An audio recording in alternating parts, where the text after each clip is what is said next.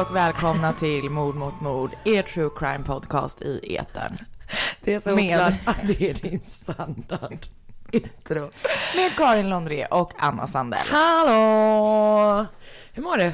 Vad gör Eh, du? Jag eh, kollade vår podd i podcastrappen. Mm, hur ser det ut? Bra. Det ser riktigt bra ut.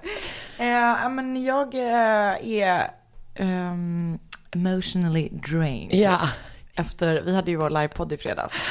Och det var otroligt kul. det var så jävla roligt. Men nu, jag, alltså, jag kände mig Alltså, utbränd. när vi började så var det svartnade ju för ögonen typ. Alltså jag var i chocktillstånd de första fem minuterna. Mm, jag vet. Jag kunde inte Jag säga någonting. Nej jag vet, det var verkligen helt sjukt. Och sen eh, så var det asroligt. Det var så jävla jävla skoj. Det var verkligen det. Eh, och alla var så gulliga och snälla sådär som ni är. Och, eh, men typ igår, alltså jag var, jag var helt tom typ. Jag var också helt tom. Och sen så igår så hade jag då eh, lite för intensiv kvällsaktiviteter. Ah. Så jag är, idag är jag Ännu mer emotional ännu mer. Men eh, tack till alla som kom. Verkligen. Och till er som otroligt. inte kunde komma eller så. Så kommer det komma fler tillfällen. Ja. Vi hoppas att det kommer komma tillfällen, fler tillfällen ganska så snart. Mm. Men vi kan inte säga någonting än. Nej, Eftersom vi inte har planerat någonting än. exakt. eh, och nu är det ju jul och så. Nu är det jul och alla sådana saker. Mm. Eh, Hur mår du då?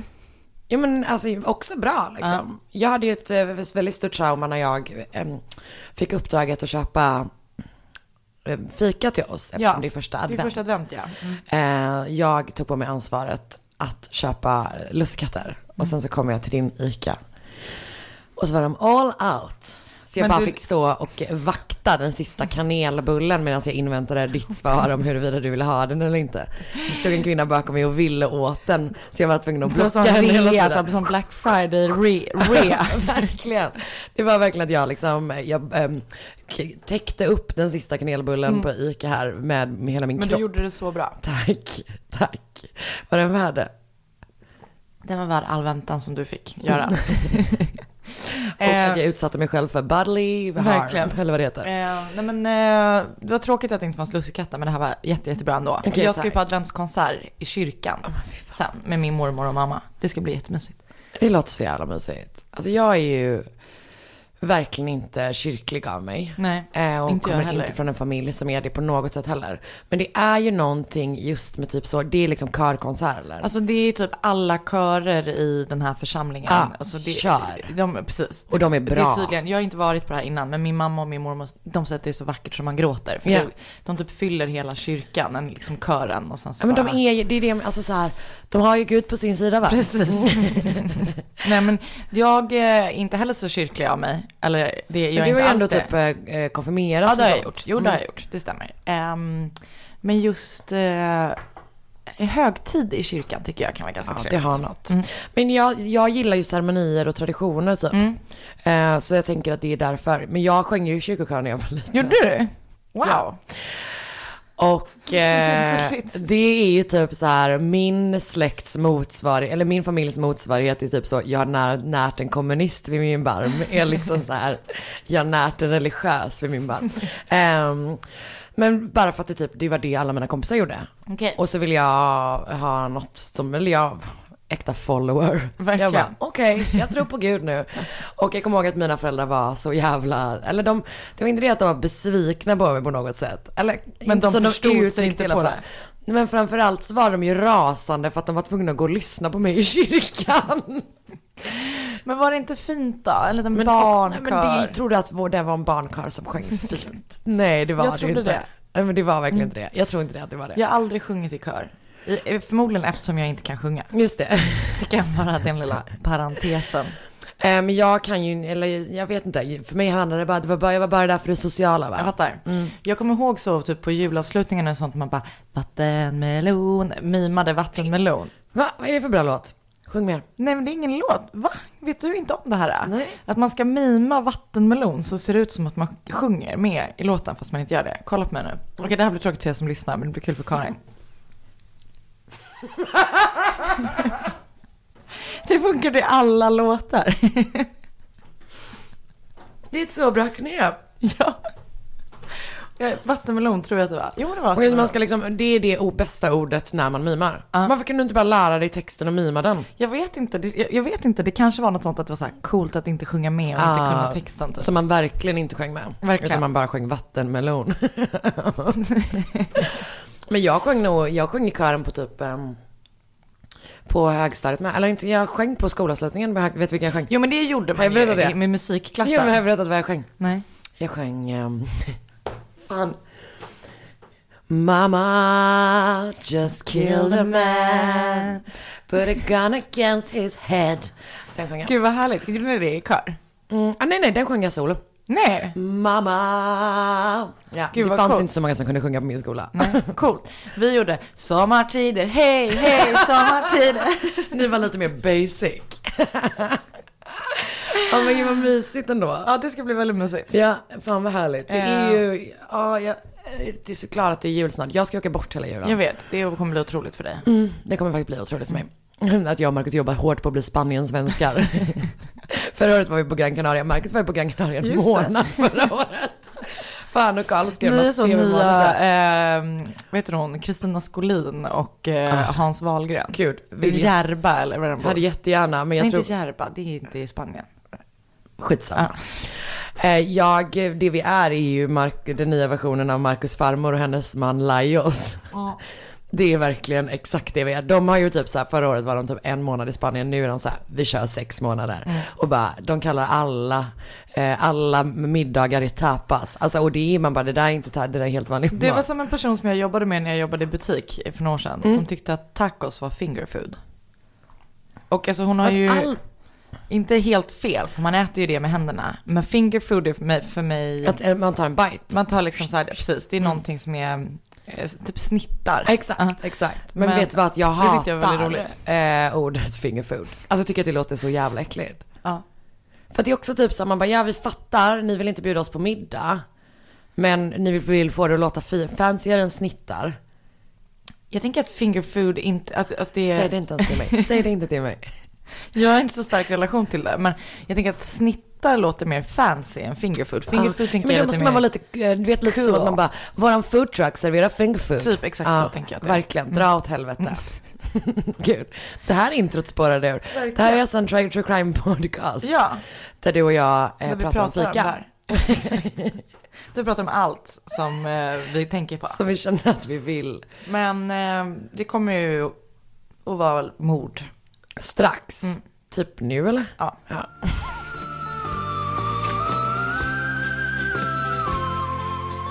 Den här veckan fortsätter vi att ha ett samarbete med Nextory. Precis, Som- Nextory som ju har eh, ljud och eh, e-böcker.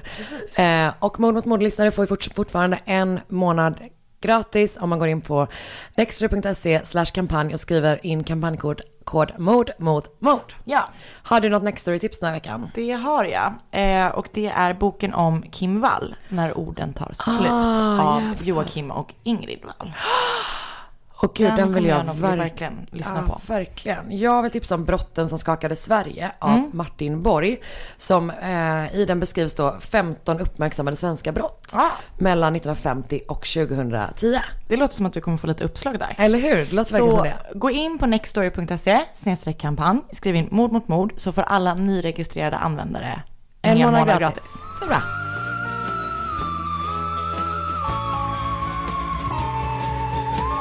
Jag hade så sjukt svårt att välja ett fall eh, och liksom tänka om, men eh, här, kom, här, nu kör vi. Ja. Jag kommer börja med ett litet citat. Nej, men. Keep in car for when you have to hide the bodies and you have left a full-size shovel at home. Does not come with midget which could have been nice. Så här, Ursäkta.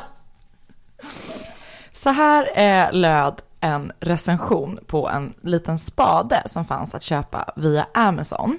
Och recensionen postades den 13 september 2014. Recensionen hade skrivits av ingen annan än Todd Coolhepp som var mer kanske känd som The Amazon Review Killer. Du skojar! Vänta, vänta, vänta. Det finns en person som, eh, som, som, som, oh, wow. Okej, det här låter ju otroligt spännande. Eller hur? Ja, jag älskar en sån konstig Han, grej. alltså han är knäpp.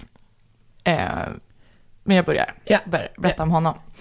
Todd Colhep föddes under namnet Tom Sampsell i Florida 1971. Hans föräldrar skilde sig tidigt, då var han bara två år gammal och hans mamma träffade en ny man. Ehm, så Todd och hans mamma flyttade till South Carolina med, och Georgia. Så att de var där omkring. Ehm, med den här mannen och det var också när mamman träffade den här mannen som eh, Todd bytte namn till Coolhep. Eh, han hade en jättejobbig relation till sin styvpappa och han önskade hela tiden att han skulle få bo hos sin riktiga pappa, men det fick han inte. Och han beskrivs som ett så superkrångligt barn som var aggressivt mot sina kompisar redan på förskolan. Eh, och när han var nio år så började han eh, gå i terapi.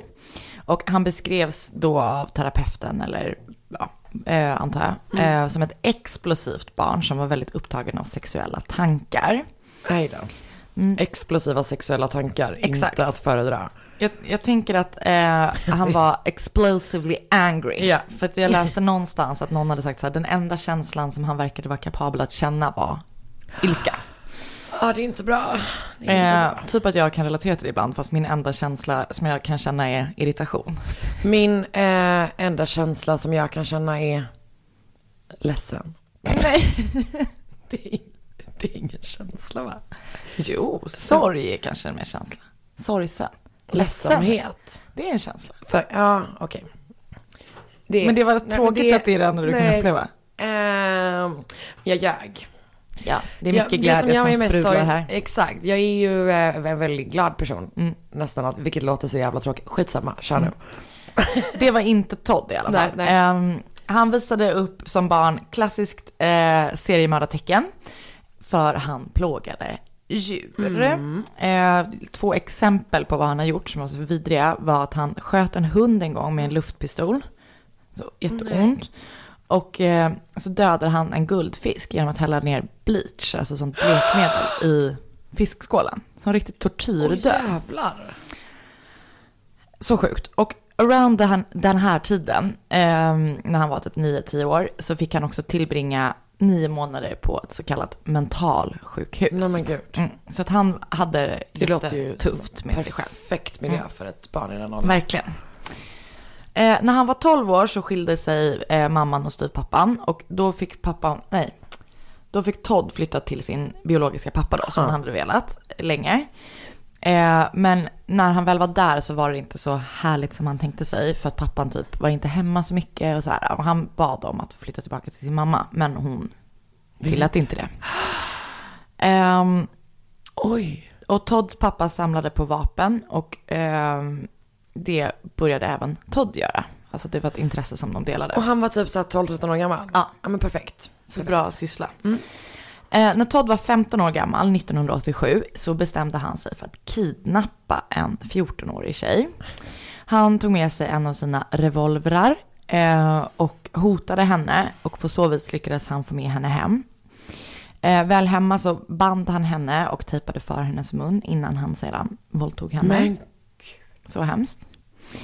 När, också bara den grejen att hans första sexuella upplevelse med en en, person exakt, en våldtäkt. Ja. Så jävla vidrigt. Och så, och så våldsamt. Så otroligt eh, våldsamt. Ehm, och efter han hade våldtagit henne så följde han med henne hem och sa att om hon någonsin berättade det här för någon, alltså familjen eller sådär, så skulle han eh, eh, döda hennes småsyskon. Eh, och som tur var så struntade hon i det här hotet eh, och Todd åtalades då för kidnappning, sexuellt övergrepp och farligt, det här är ju översatt från svenska, men, Från från engelska. engelska, farligt brott mot barn, alltså någon, något, jag vet inte vad det kan. Ehm, och i rätten så valde man att pröva honom som en vuxen. Så han dömdes ett, tyvärr bara för kidnappningen. Eh, vet inte varför. Eh, och fick 15 år i fängelse. Och han var då 15 år? Ja. Så jävlar. sjukt. Jävlar. Mm. Och under rättegången så kom man fram till att Todd hade borderline. ehm, eller, ja, eh, och att han hade ett IQ som var eh, liksom ganska mycket högre än eh, average. Ja. Och domaren antog att han var mycket smart och att han borde varit akademiskt framgångsrik. Men att han var beteendemässigt och känslomässigt farlig. Så han liksom. Och det är ju den där grejen. Om man ska vara dum får man fan inte vara smart. Nej. Alltså så här, om Alltså, man ska vara ond, en verkligen. ond, det är sån Ed Kemper-typen Mm. liksom. Fy fan vad obehagligt det är. Jätteläskigt. Eh, så Todd satt i fängelse i 14 år och kom ut eh, år 2001. Mm. Då fick, ändå att han satt så länge. ja, så sjukt. Ja. Och då var han ju liksom, han fyllde 30 Ah. det året han kom ut. Så han var ju ung fortfarande. Mm, Och då flyttade han eh, till South Carolina där hans mamma bodde fortfarande. Och lyckades skaffa sig ett jobb som grafisk designer på ett stort företag. Och han började också plugga på universitetet och fick ehm, en bachelor i företagsekonomisk marknadsföring. Oj. Och han var ju så här eh, en known sexual offender. Mm. Eh, men ändå så lyckades han eh, skaffa en mäklarlicens. Och jag, jag vet inte om det egentligen är mottalande. Liksom, men han lyckades mörka att han var en dömd brottsling Mm. på något vis. Och så fick han en mäklarlicens och startade en egen mäklarfirma. Mm. Och blev en toppmäklare. För att han var typ smart och manipulativ. Ja, och Ja. liksom, ja, verkligen. Hans anställda beskrev honom däremot som arg och nedlåtande och typ folk som var kunder till honom liksom var, tyckte också han var weird och eh, typ någon bankman som han hade varit i kontakt med var så här, han pratade jättemycket om porr och liksom sådär. Han verkar ha varit eh, ganska gränslös. Med Hedvigs hemförsäkring är du skyddad från golv till tak oavsett om det gäller större skador eller mindre olyckor. Digital försäkring med personlig service, smidig hjälp och alltid utan bindningstid. Skaffa Hedvig så hjälper vi dig att säga upp din gamla försäkring. Hedvig hemförsäkring, ett klick bort. Ehm, och Todd var också stammis på en restaurang som heter Waffle House. eh, där han åt liksom typ varje dag. Och där var han så otrevlig mot servitriserna så att de var så här, vi kommer inte liksom betjäna den här personen. Vad säger man? Betjäna? Vi kommer inte Vi servera kommer inte honom. servera den här personen, Ja. eller vi vill liksom inte prata med honom. Så till slut så var det kockarna fick komma ut från köket och ta hans beställningar för att tjejerna, eller och killarna antagligen också, ehm, Oj, vägrade att prata med honom för han var så otrevlig. Så bra ju. Verkligen. Alltså man kan ju tycka att ägaren bara, du är inte välkommen hit mer. Men eh, Det, det kanske skulle vara det allra bästa. ja, det hade verkligen Men, varit att eh, föredra. Men när man inte då uppenbarligen har lust att göra det, så ändå bra att de vägrade. Så bra. Ehm, och en av servitriserna som klagat på att han var eh, otrevlig, ska vi eh, lägga hennes namn på minnet. Hon heter Megan Lee McCraw Coxey. Okej. Och eh, Todd gjorde ju då superkarriär så han var så här, tog eh, privatpilotlicens och köpte massa fastigheter runt om i landet. Och ehm, i maj 2014 köpte han 40 hektar eh, landområde som han Oj. så här, hä- inhägnade och byggde något konstigt hus på sådär. Som låg liksom avsides. Eller vad man säger. Det var liksom ett secluded area. Eh, och den 31 augusti 2016 försvann Carla Brown och hennes pojkvän Charles, Carver. Och det sista man visste att de skulle göra var att de skulle, ehm, de liksom var städpersonal. De skulle åka och städa på Todd Coolheps ägor. Och eh, efter att de eh, hade försvunnit så började Charles eh, skriva konstiga grejer till folk på Facebook. Eh, och han typ skrev att han hade drogproblem, att han behövde pengar. Det var någon till någon som han liksom hade varit så här, försökt indikera att, att eh, de hade gift sig, att de hade eloped, alltså du vet så här. Okej. Men för folk i hans närhet var så här, det är någonting som inte stämmer. Det är inte han som skriver det här, Nej. det är någon annan som agerar på hans Facebook-konto. Så polis, de anmälde det här och polisen då började så här, de visste väl att de var borta, men jag vet inte hur aktivt de sökte efter dem. Men när det här då kom in som tips så gjorde de så här triangulering, du vet med master och Mm, sånt ja, där. ja. Så ser de att eh, mobila telefonerna senast hade ja, liksom, sänt signaler från Todds hem. Så när de, de åker dit, eh, polisen, och när de kommer dit så liksom går de och gör husrannsakan och whatever. Så hittar de en stor container på eh, någonstans vid hans mark. Liksom. Och när de ehm, är nära där så har de hur det bankar och någon skriker bara hjälp, hjälp, typ jag är instängd här. Och eh, så de då går in i containern och då är Carla Brown, sitter alltså fastkedjad i den här eh, containern. Jag har sett det klippet. Ja, det, det finns, precis, jag ska också det. Det är så obehagligt. Ja, det är... Det läskigaste. Ehm, Okej, fortsätt, fortsätt. och ehm, de hittar också Charles Carver, alltså Carlas pojkvän, eh, skjuten till döds i en grundgrav eh, någonstans också på hans mark. Ehm, och de hittade hans bil, så här, de hade kört in, eller eh, Todd hade liksom kört in bilen och gömt den under så buskar och grenar och sånt. Ehm, och Carla berättade att hon hade sett att Todd hade skjutit honom, eh, alltså Charles, framför henne. Och ehm, anledningen till att han sköt honom var för att han tyckte att han var så jäkla kaxig liksom, och uppstudsig, att han hade varit störig. Och anledningen till att han inte hade skjutit Carla eh, var för att han tyckte egentligen inte att hon hade gjort någonting fel. Så han ville inte behöva skada henne, men han kunde ju heller inte släppa henne för att hon hade Sett liksom det. sett det. Men hade han våldtagit henne och så? Alltså, det, jag, jag, jag tror det. Mm. Det För att eh, i- det var, i flera artiklar så var det så här, typ Aftonbladet hade något sånt så här, sexfånge, han hade, med, toppmäklaren hade sexfånge i en container. Men det står typ inte i alla... Nej, så man vet inte om Så- det är... Så jag tänkte typ, antingen så har han gjort det, eller så har man typ förutsatt att han har gjort det. Ja. Eh, Så, så jag vet inte. Nej, eller, för att typ få starka rubriker liksom. Exakt. Mm. Ehm, men Mm. med tanke på hans historia så Verkligen. kanske. Verkligen. skulle man ju kunna tänka sig det. Eh, men han hade ju liksom gett henne mat en gång om dagen och du vet, tagit hand om henne. Skojar. Eh, nej men, och det verkade som att han planerade liksom ett liv tillsammans med Karla, för han hade berättat sagt till henne så här, jag ska bygga ett hus här på gården där vi kan bo, det ska vara ett ljudisolerat rum där du ska vara och så här. Åh, tack. Verkligen. Gulligt. Och samtidigt så bredvid hennes pojkväns grav på, så fanns det också en uppgrävd grav som man också trodde kanske var tänkt till henne. Eh, och när de var där och liksom eh, letade, eller liksom gick igenom ägorna och huset och sådär, så hittade de två andra döda kroppar på, på hans mark också. Och de skulle senare kunna identifieras genom deras tatueringar på kroppen. Eh, och det var ingen mindre än Megan Lee McCraw Coxey, som var servitrisen, och hennes pojkvän, eller man, eh, Johnny Joe Coxey. Oj. Eh, och de, har varit, de här hittades alltså då typ i augusti eller liksom alltså början på, eller någon gång i september 2016. Men de hade varit borta sedan 22 december 2015. Oj. Ehm, och tydligen så hade de, kunde man sen liksom se att de hade också tagit något slags jobb hos Todd. Också typ ett städjobb eller du vet någonting som ska tjäna pengar.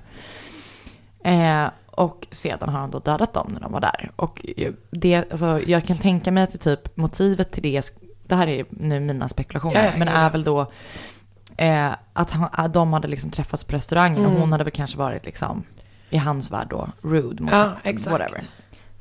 Eh, så de hade båda två blivit skjutna där ehm, på hans mark.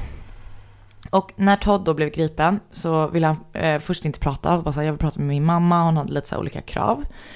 Eh, och när han väl hade fått göra det så erkände han de här Tre mord. tre morden. Ja. Eh, och så erkände han också ett mord från 2003 Oj. som hade varit ouppklarat då i 13 år.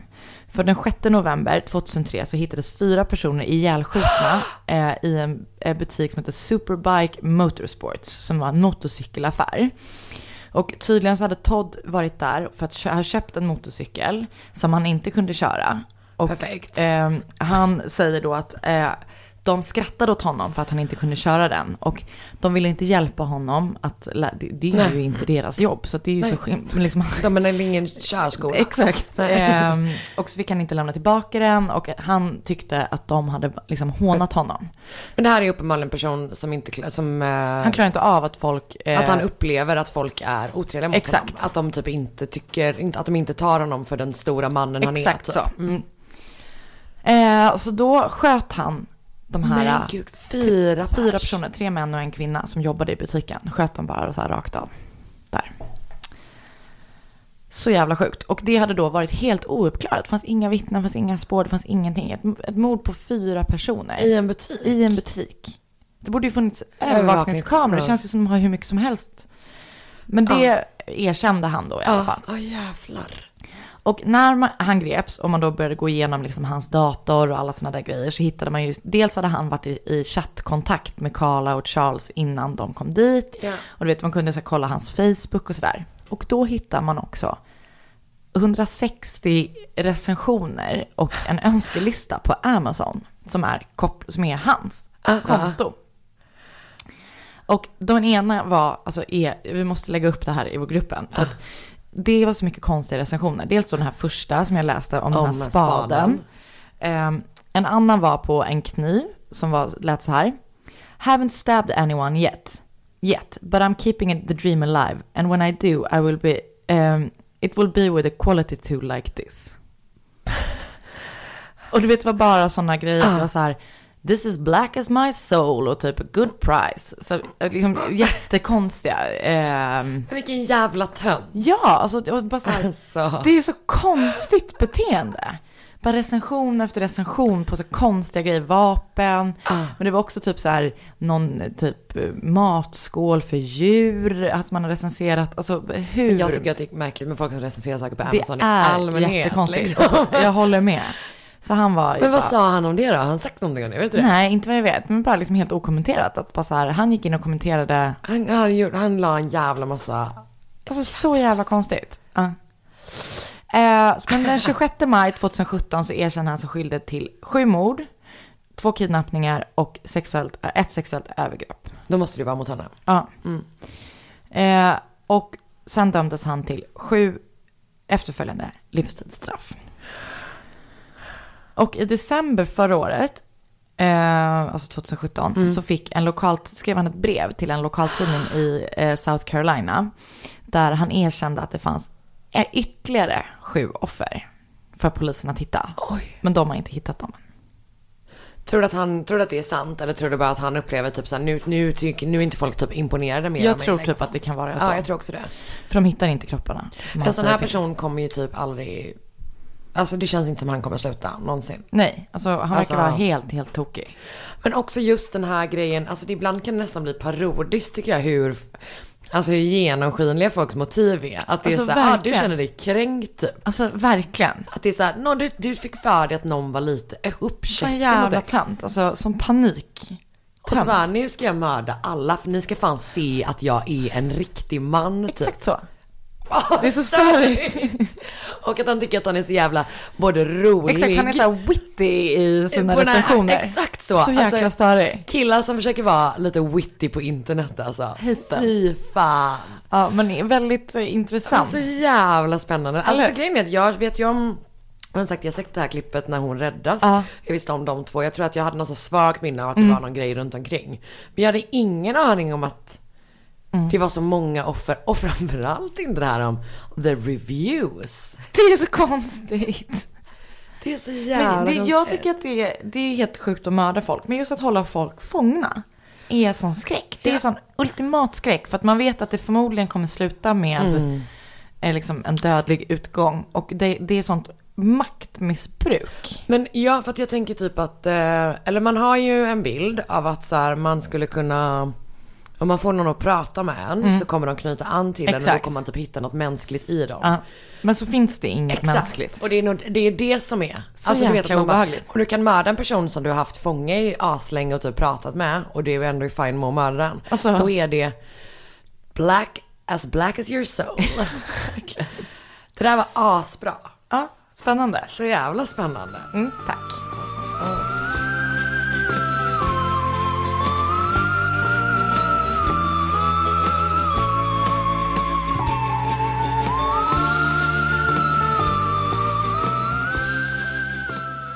Känner mig lite inne på svenska fall just nu. Jag, jag kände på mig att det skulle vara svenskt. Gör du det? Ja. Varför då? Jag kände det i hela kroppen. Ah, du känner mig så väl. Ja, nej, men jag har en liten, eh, jag har en, eh, en period just nu när jag är väldigt inne på svenska, Ja. liksom äldre fall. För det finns ju väldigt mycket spännande. Mm. Ehm, så vi börjar. För torsdagen den 6 juni 1974 tog den 19-åriga Kode-tjejen Ann Wollbrand studenten. Den vad för tjej? Kode. Eh, de flesta känner kanske till Kode eftersom det var där eh, John Ron mördades. Det är alltså, ligger utanför Kungälv. Okej. Ann då är 19 år gammal och bor i Kode men har tagit studenten från en treårig linje i Kungälv den här dagen. Och hon är jätteglad hon ska då, hon har planerat att hon ska flytta till en kompis i Göteborg. De ska bo ihop, hon har typ redan fått något jobb och så, här, så allting är liksom på gång redan. Och så har hon blivit kär i en kille som heter Klas. Klas. Mm. Eh, och i sin dagbok så har hon någon vecka tidigare skrivit, var i Kungälvsparken Tor Eriks spelade. Nej men alltså jag orkar inte. Tor Eriks är verkligen ett otroligt bandnamn. Man undrar hur de ser ut. Verkligen. Eh, vi måste kolla. När jag konfirmerade mig, apropå kyrkligt, så var det ett band som skulle komma och spela där vi konfirmerade som hette Krytz. Med en massa Z. Okej, jag har hittat bild på Tor Eriks. Här är de. Och jäklar vilken stark look, jag Vänta, orkar vänta. inte. Han längst till höger där är ju otrolig. Alltså hans hår är... I alla fall. Tor Erik spelade eh, och där så, så skriver de vidare då. Mötte en jättegullig kille som hette Klas. Han hade mörkbrunt hår och bruna ögon. Vi bestämde att träffas på, i, eh, på tisdag i parken halv sju.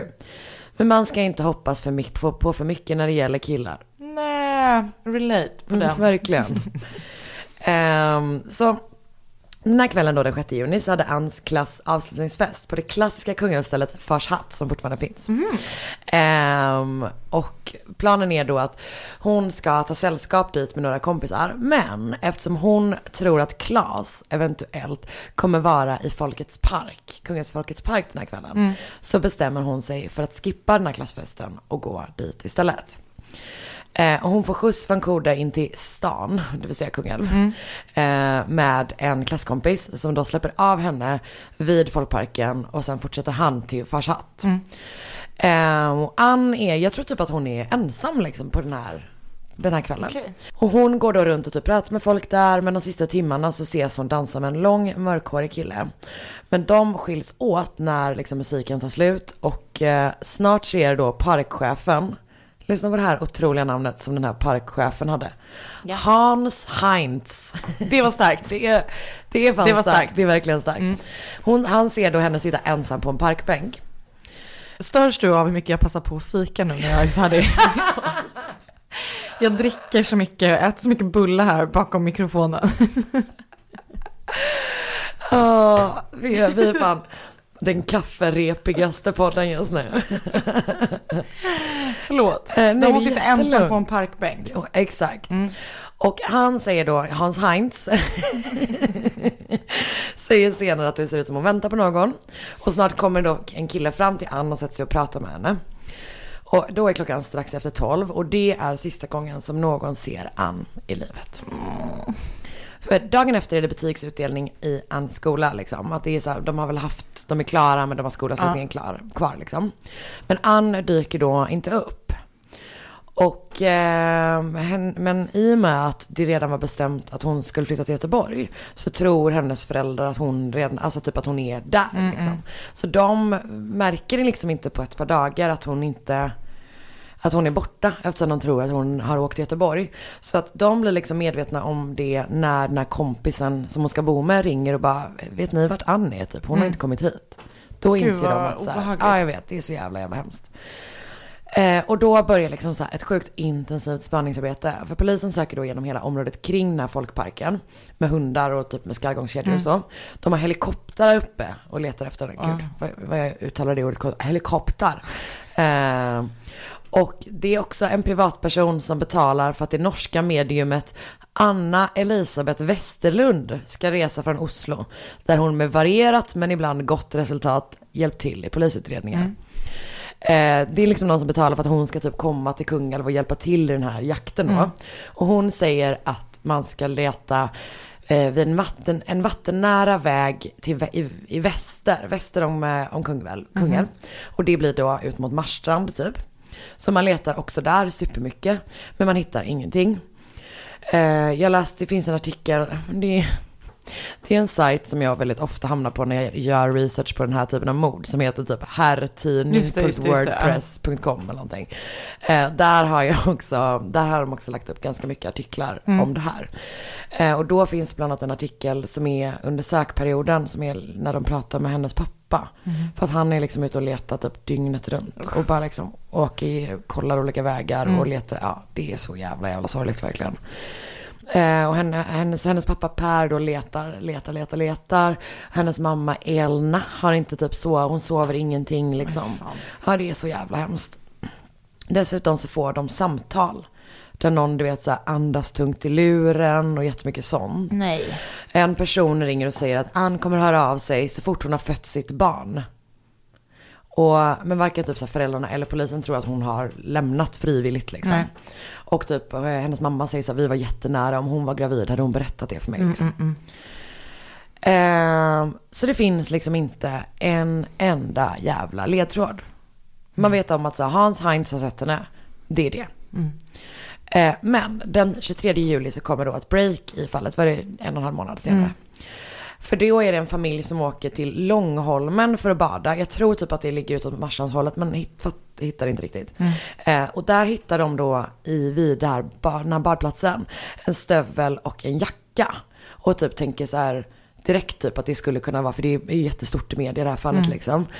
Eh, och hon har på sig, när hon försvinner så har hon på sig ett par typ vita så här lackstövlar. Alltså så här riktigt 60-tal. Det, det ser ut som 60 jag, jag hade ju älskat att ha sådana när jag var superinne på 60-talet. Hade också vita, vita boots. Ehm, så att det, man har liksom gått ut med bilder på dem, liksom de sakerna som, eller typ på, man har, jo det finns en bild som har gått i media på hur hon såg ut. När hon försvann. Ja, eller i alla fall när hon hade på sig de skorna typ. Så den här familjen typ ringer polisen och bara, eh, vi tror att vi kan hitta det här. Då kommer dit, hämtar upp det, tar med sig det hem till hennes föräldrar och de bara, ja, det där är hennes grejer. Så nu har man då hittat en jacka och en stövel. Det är det enda som finns liksom. Eh, för sen tar det då stopp igen. Eh, man söker liksom igenom det här området där kläderna hittats och hittar ingenting alls. Eh, men en dag, ytterligare en månad senare, den 24 augusti, så är ett par ute och promenerar med sin tax på Rossö som ligger på Orust, tror jag. Par att den här taxen springer liksom helt fritt typ och så plötsligt så bara drar den iväg och börjar skälla super, super mycket. Och då börjar de då förstås gå mot det här området där hunden är och där de hör den ifrån. Och inser då att de står utanför ett ödetorp. Läskigt. Eh, och hunden springer då bakom typ en vedbord och de följer efter henne. Och eh, bara för typ såhär, vad, är, vad fan är det som gör henne tokig liksom. Och när de går runt hörnet så ser de då en naken fot som sticker upp ur marken. Och så fort polisen kommer, eller väldigt snart Hur långt liksom. är det från där hon försvann? Eller där man såg henne sist? Men det är fan en bit Mm. mellan, eh, mellan Kungälv och, och Orust ändå liksom. Det är fem mil. Mm. Så det är så. Okej, polisen kan då ganska snabbt konstatera att det är Ann som har hittats. Och eh, hon är naken när hon hittas. Förutom att en trasa virats runt hennes huvud. Och hon har då dött till följd av strypning. Usch. Och man börjar ju då förstås så här leta efter en gärningsman. Eh, och det som händer då är att mannen i det här paret som liksom har hittat kroppen. Han har rätt intressant information. För han har eh, jobbat på någon slags eh, ungdomsvårdsskola inne i Göteborg. Alltså någon slags sån, sån troubled teens school. Ehm, och när han gjorde det så brukade han ta med sig eleverna just till Rossö för att bada typ. Och han eh, kommer också, också då ihåg att en av eleverna har tidigare år, inte det här året men tidigare, hyrt en, alltså blivit vuxen då förstås, och hyrt en sommarstuga som ligger så i närheten av eh, det här torpet. Ja. Och den här personen är då tidigare dömd för sexualbrott mot kvinnor. Så han bara, det där är kanske en person ni borde typ kolla på. Och den misstänkta är inte namngiven någonstans. Så jag har hittat på att vi, kan, att vi kommer kalla honom för Thomas. Ja. Eh, han var då 33 år gammal. Och hade dömts till sluten psykiatrisk vård efter att ha begått sexualbrott mot flera yngre kvinnor. Den första som jag läste om heter Margareta. Hon är 18 år. Och jag tror inte han är dömd för det här. Eh, men eh, hur som helst. Hon har då träffat Thomas på en dans på Fagerfjälls festplats i Bohuslän. Och de har dansat under kvällen och efteråt så följer hon med honom till en sommarstuga. Och där försöker han då våldta henne. När hon kämpar emot så hotar han henne med en rakkniv. Men när han typ håller på att ta av henne kläderna så låtsas hon svimma. Och det gör honom typ, han får typ panik liksom. Så på något sätt resulterar detta i att hon får tag på hans bil och kör tillbaka till den här festplatsen. Ehm, och lyckas och typ att få hjälp av någon snubbe som i bandet som spelar där, vet inte om det var Tore Eriks eller om det var något annat. Eh, att typ så larma polisen. Så hon klarar sig under omständigheterna extremt bra liksom. Eh, och tre månader efter det här så utsätts Harriet, en annan flicka, för eh, den här snubben då. Hon är då 14 år gammal. Och hon eh, väntar på en buss som liksom aldrig verkar dyka upp när en Volvo kör upp bredvid henne och erbjuder henne skjuts. Och hon har liksom aldrig, det är inte det att hon brukar lyfta. Men när Thomas är så himla förtroendegivande typ så hon bara, ja ah, jag pallar verkligen inte vänta här längre. Nu åker jag med typ. Och han säger då efter ett tag att han bara, jag ska bara hämta en flaska vin eller någon flaska vin i min, i min brors lägenhet som ligger här. Typ häng med upp så ska vi bara göra det så kör jag det hem sen. Han bara, åh nej. Ehm, och, men hon gör det i alla fall. Och i lägenheten då så tar han av sig skorna och erbjuder henne ett glas vin. Hon bara, det var inte riktigt Nej. vad vi kom överens om typ. Så att hon bara, allt blir så jävla konstigt. Och plötsligt då så smyger han upp bakom henne och slår henne i Nej. huvudet med vinflaskan. Men gud. Och det nästa hon minns är då att han sitter ovanpå henne. Ja, jag vet, det är så hemskt. Och hon är så liten också. Mm. Och han eh, våldtar henne då i den här lägenheten. Efteråt då så ber hon om att hon ska få gå på toaletten. Och det gör hon för att hon hoppas att den ska typ ligga ute på gården. Eh, men det gör den inte. För att hon tänker typ så här, om jag bara kommer ut på gården då kan jag bara fly typ. Men eh, utan den ligger i svalen, alltså det är ju trappuppgången liksom. Och eh, när hon bara, okej fan den är inte där. Men då kommer hon på en ny plan. Att hon bara, oj det finns inget toalettpapper, kan du gå och hämta det? Så då går han in i lägenheten igen och då flyr hon liksom. Hon bara rusar ut typ och tar bara med sig det som hon råkar ha med sig liksom.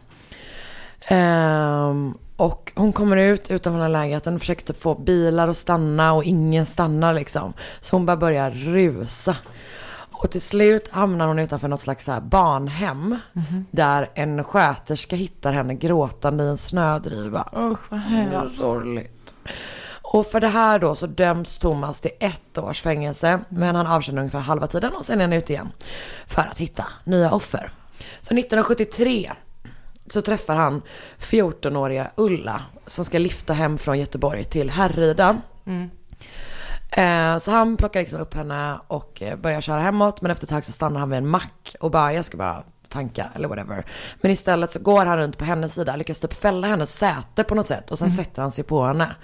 Eh, och typ binder hennes händer bakom ryggen. Och sen voltar han henne där i bilen liksom. Ehm, för det döms han till sluten psykiatrisk vård. Och det är under en sån prövoutskrivning därifrån som han då våldtar och mördar Ann Wahlbrandt. Usch. Ja, Men det är alltså han. det är han. Det är 100% han. Men är Thomas samma person som Klas? Nej. Nej.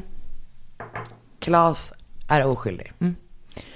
Han dök aldrig upp nämligen. Nej. För att han hade nämligen åkt till sina föräldrars landställe. Men inte informerat henne. Han var på sina föräldrars landställe även den tisdagen de skulle träffas i parken. Så att hon hade ju rätt i att man inte kunde lita Verkligen. på även Klas. Okej, lite mer om den här Thomas då. Ja. 1974 är han alltså 33 år och han har åt- åtminstone tidigare ägt en målerifirma i Göteborg. Han har varit lyckligt gift och haft två barn. Men jag vet typ inte om hans familjesituation hade hunnit förändras i och med att han blev dömd för det här och sådär. Eh, han hade haft en väldigt jobbig barndom för hans pappa var då grav alkoholist och hittades död i en park när han bara var 16 år gammal. Året efter så dog hans mamma i TBC. Så han och hans son, bror, hade, han och hans bror hade typ bott på barnhem liksom. Men han beskrevs typ av sina så kollegor så som så här, men tystlåten snäll person liksom. Men det verkar då som att det har liksom, saker har börjat gå åt helvete i början av 70-talet typ. Att han har börjat supa mycket mer, jag tror att firman började gå ganska dåligt. Eh, och har blivit liksom bara mer och mer, ja men mer och mer av en suput liksom. Och sen är det också det här då att han börjar kidnappa och våldta flickor till höger och vänster. Eh, den lilla detaljen. Så den 28 augusti så griper polisen honom i hans lägenhet i en, en, någon Göteborgsförort. Och han bryter typ ihop direkt och bara, japp, Han erkänner. han erkänner. Och det här är då vad han säger har hänt den här natten i juni. För han har inte mördat någon förut? Nej. nej. Det här är hans första mord då. Mm. Eh, vilket jag tycker känns som att det bara är en slump. Verkligen. Förstår du vad jag menar? Ja, Att ja. det känns bara som en totalt oberäknelig person liksom. För Ann har då stått utanför den här folkparken någon gång efter midnatt och eh, ska lifta hem. Och Thomas stannar då och erbjuder henne lift och hon bara tycker att det låter bra för han säger att han ska åka till sin sommarstuga. ehm, som ligger på Tjörn tror jag, säger han. Och då kunde han, då hon bara, "Ah, men vad bra, då kan du släppa mig hemma i Kode typ på vägen. Eh, och någon gång under resan så föreslår han då att de istället ska åka tillsammans, alltså att hon ska följa med till sommarstugan typ. Och han eh, säger då att hon först är så här tveksam men sen typ bara okej, ja men jag gör det. Vilket jag tycker låter så jävla konstigt. Det känns som att det finns någon slags hotfull situation redan där liksom. Ehm, och jag tänker typ att man kanske, det kanske är så att man börjar ana oråd och därför bara försöker vara till lags för att man inte ska uppröra liksom. Så att när de väl då är i den här sommarstugan så börjar han supa. Hör och häpna. Ehm, och han börjar då dricka ren jävla vodka. Och försöker få henne att göra det också. Men hon vill inte utan bara är så här, kan du inte typ köra mig hem? Jag vill inte vara kvar här längre. Men han vägrar göra det. Och då säger hon så här, om du inte kör mig hem nu så kommer jag polisanmäla dig. Du vet den här sommarstugan ligger liksom extremt avskilt. Alltså det är så jävla jävla läskigt. Jag kan visa bild på det sen. På den sen. För det är, ah, jag får sån jävla panik. Alltså det är så jävla läskigt. Man är så utsatt liksom. Det är hemskt. Ehm, och det här är alltså samma sommarstuga, samma sommarstuga som eh, när Margareta hade varit i tre år tidigare. Ah, Okej, just det. Och eh, som sagt, hon säger, han säger vägrar köra henne hem. Hon säger då att hon kommer polisanmäla honom och då blir han rasande. Han slår då till henne så att hon faller omkull och sen sätter han sig på henne och stryper henne tills hon inte lever längre. Men gud. Och när han då konstaterar att hon är död så fortsätter han supa och tillbringar liksom resten av natten i stugan där hon, hennes kropp ligger liksom. Den här trasan, vad var det för någonting? Jag vet inte. Faktiskt. Oklart. Eh, för morgonen efter då så lägger han hennes kropp i bilen och kör den då till det här ödetorpet som han vet finns på Rosse eftersom han har varit där massa. Jag vet, vad fan är trasan? Jag tänker att han kanske fick ångest efter och ville täcka hennes ansikte typ. eller? Just det, ja det är väl mycket möjligt. Ja, verkligen. Vi säger det. Det är alltid så här när man gör de, den här typen av fall, att det är ju så mycket olika uppgifter och att det liksom är så att man får inte brasklappa hela jävla skiten. Absolut. Kungar kanske inte ens tiden. finns. Exakt. Eh, ja. Han körde kroppen till det här ödetorpet och gräver ner henne bakom vedboden och lämnar henne där. Och på vägen hem så lägger han hennes kläder i en säck eh, och tillsammans med en sten. Och slänger då säcken från Skåpesundsbron, vilket är bron som går mellan Tjörn och Orust. Nu inser jag att det kan inte vara så att hennes kläder hade tagit sig till Marstrand därifrån. Jag vet verkligen inte vart de hittades, Nej. för det är ju jättelångt. Eh, men hur som helst. Han kastar då, då eh, från den här bron som går mellan Tjörn och Orust. Och sen åker han hem igen. Så den 11 april 1975 så döms Thomas till minst fem års internering av Stenungsunds tingsrätt. Fem år, inte så mycket. Jättelite. Eh, rättens ordförande vill då ha psykiatrisk vård. Men jag vet verkligen inte vad som hände sen. För att det finns ingen information om det. Alltså jag vet inte hur länge han satt, jag vet inte hur, eh, om det blev vård, om jag, för att jag vet ingenting om vad som har hänt med honom efteråt Det liksom. var weird. Eh, och han var ju, han var ju bara 33 när han åkte in. 75, för 75. Ja, exakt. Så det är Så- alltså 44 år sedan. Ja, okej, så nu, Så är, nu är han ju nu är han supergammal. 75. Ja, Eh, men, eh, 80. men han var ju typ 40, man tänker att han, att han var nog säkert 40 bara när han kom ut. Ja, det är ju sjukt. Det är så jävla obehagligt. Ja. Och det är ju så jävla många. Alltså det här var ändå det fjärde Mm. personen han utsatte liksom. Nej, precis. Det känns inte så troligt att han bara slutade efter han hade varit suttit i finkan. Nej, också eftersom han hade fått vård redan innan. Alltså han hade ju redan varit inlagd liksom. Så att det känns som att det är så jävla... Vad weird. Vad obehagligt. Å andra sidan så hade man, om han hade fortsatt begå brott så känns det kanske som att man hade i alla fall vetat det. Att man Ja, hade kunnat läsa sig det. Men det är. Mm. jävligt oklart för det är så länge sedan. Och sådär. Men det där var i alla fall då mordet på Ann Wollbrant. Mm. Det är ju något som är väldigt, just det här folkparks-Sverige. är ju... Man kan eh, tänka sig att det händer mycket skit. Ah, jävlar vad skit. Mm. Jag har hittat ett annat jättespännande fall Ah. i Kungälv. Också i en folkpark. Inte i en folkpark, men en annan som jag också kanske kommer göra längre fram. Gud vad spännande. Jag inser att min killes hemstad är Verkligen. Crime Farlig. Central. Verkligen. Det var väldigt spännande. Jag gillar när du gör svenska fall. Okej, bra. För då kommer jag fortsätta göra det. Det tycker Ehm, ja, det var det för den här veckan. Det var det för den här veckan ja. Tack för att ni lyssnar. Tack till er som kom i fredags och eh, vi ser fram emot att träffa fler av er i framtiden. Ja, ska vi säga någonting om att vi ska ha ett special, att vi kommer ha specialavsnitt under juldagarna? Just det, det är bra. Ehm, s- som sagt, jag är ju borta på jul och lite över nyår och sådär. Så att vi tänkte att vi passar på att göra lite specialavsnitt. Det som kommer, nu ska vi se. Det blir, lite, det blir specialavsnitt, det är Lite eh, på annandagen. Annandagen och även den 2 januari kommer vi släppa specialavsnitt. Mm. Eh, vi vill gärna göra lite så frågepoddshållet, men vi vet också om att ni gärna vill, eller och vi, även vi, vill höra spännande stories. Exakt. Så vi kommer köra två avsnitt där jag berättar om ett fall i det ena och Anna berättar om ett fall i det andra och sen så svarar vi på era frågor, vad ni nu kan tänkas undra. Frågor och läser era stories. Ja, exakt, precis. Eh, så att jag tänker att vi gör så att vi startar någon slags eh, tråd i eh, Facebookgruppen där man kan ställa frågor till oss. Och sen så vill vi höra om era, vi vill höra era stories. Vi vill höra om eh, Ja men om era personliga connections till kanske folk som har begått brott eller era så här. Jag Allt ha, spännande Jag vill vill ha, all, vi vill ha alla spännande historier. Tror du att det spökar och när var du med om spöken? Det vill vi också höra. Vi vill Ja. höra alla spännande stories. Och det kan man väl skicka till oss på Instagram. Absolut. Tänker jag. Så välj om du skickar till mig eller Anna och sen så eh, skriver era spännande stories. Du heter attsandel, attsandel Anna och jag är attsan, att Karin Landre. Gud jag kan inte prata längre. Det blir kul. Eh, just det, det var väl typ det. Det är det. Tack snälla för att ni lyssnar. Tack för den här Hej. veckan. Med Hedvigs hemförsäkring är du skyddad från golv till tak oavsett om det gäller större skador eller mindre olyckor. Digital försäkring med personlig service, smidig hjälp och alltid utan bindningstid. Skaffa Hedvig så hjälper vi dig att säga upp din gamla försäkring. Hedvig hemförsäkring, ett klick bort.